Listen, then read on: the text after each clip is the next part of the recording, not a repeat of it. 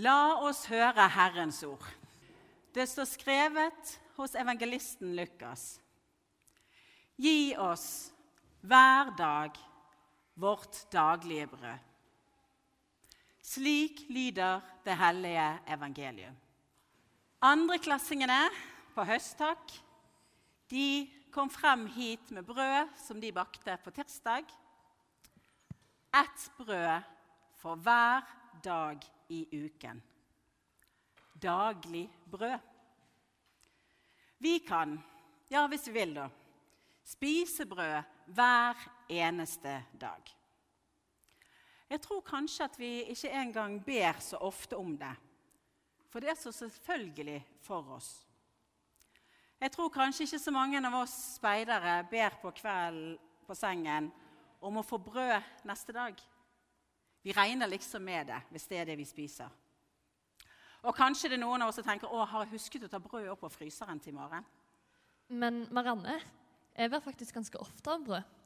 Når jeg ber Herrens bønn, så ber jeg. Vår Far i himmelen. La navnet ditt helliges. La riket ditt komme. La viljen din skje på jorden slik som i himmelen. Gi oss i dag vårt daglige brød, osv. Anne, det har du selvfølgelig rett i. Og hver gang vi samles i dette rommet til gudstjeneste, så ber vi altså denne bønnen, og vi ber om brød. Og kanskje noen ganger så tenker vi veldig over det som vi ber. Men det kan være at akkurat denne bønnen i Herrens bønn om daglig brød er det noen andre steder i verden som ber mer inderlig om, om brød enn det vi gjør. Og Da tenker jeg litt på noen av disse kvinnene som TV-aksjonen gjennom CARE skal samle inn penger til i dag. De som ikke har nok penger til mat til barna sine.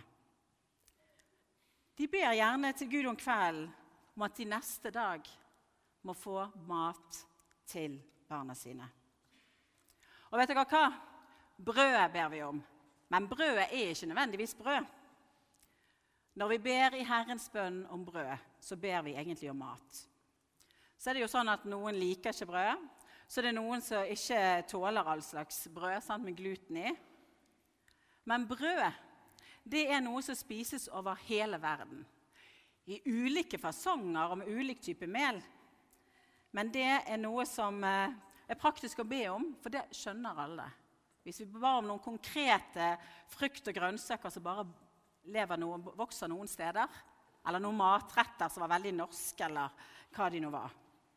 Men brød det kjenner mennesker på hele jordkloden til. Så er det sånn litt seinere i gudstjenesten i dag så kan vi få komme frem hit, opp til bordet, og så spise et sånt lite brød som har et bilde av Jesus på korset på seg.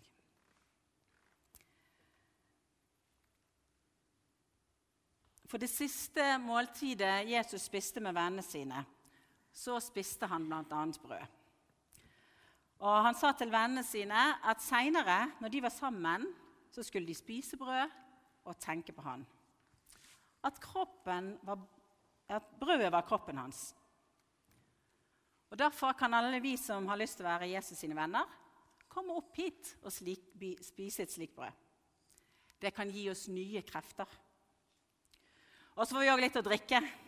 Litt alkoholfri vin som et konkret tegn på Jesus sitt blod. Men før vi kommer opp og spiser brødet her i nattverden, så ber vi altså Herrens bønn. Gi oss i dag vårt daglige brød. Altså, Nå ble det veldig mye snakk om brød her. Vi kan jo ikke spise bare brød. Det står til og med i Bibelen det at vi ikke kan bare det. Mennesket lever ikke bare av brød. Det er ikke bra for kroppen vår det, hvis vi bare spiser det.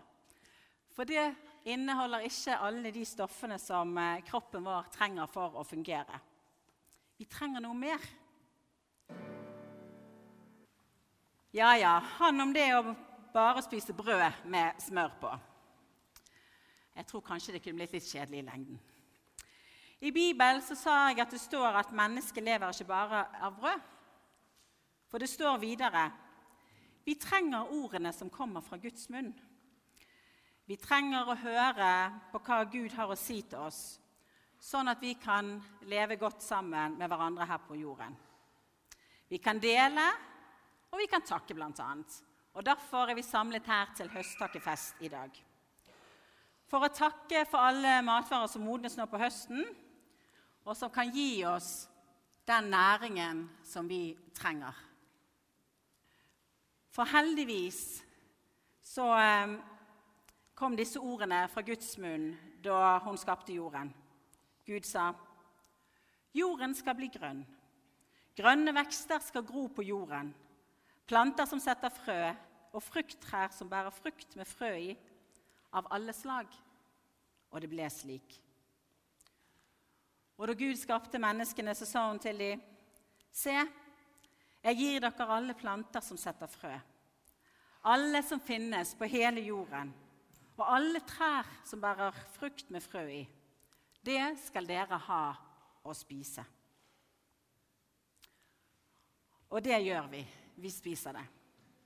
Ja, Det er ikke alle som spiser alt, men vi har masse å spise av. Det var det som høsttakene og speiderne her hadde med av frukt og grønnsaker som vi spiser, det har jo vokst fra et eller annet frø. Og det er det Gud som sørger for vokser ved hjelp av jord og vann og sol. Sånn at vi kan få lov til å høste mat med masse næringsstoffer i, som vi trenger. Spesielt noen av dere sitter foran her, trenger for å vokse, og som vi alle trenger for å leve. Dere som eh, er skolebarn, dere hadde høstferie her eh, forrige uke. Men vet dere hvorfor de som bestemte i Norge en gang, bestemte at det skulle være høstferie fra skolen? Det var ikke for å reise til besteforeldre eller på hytten eller på Syden eller bare for å ha fri. Det var for å hjelpe til med innhøstingen på høsten.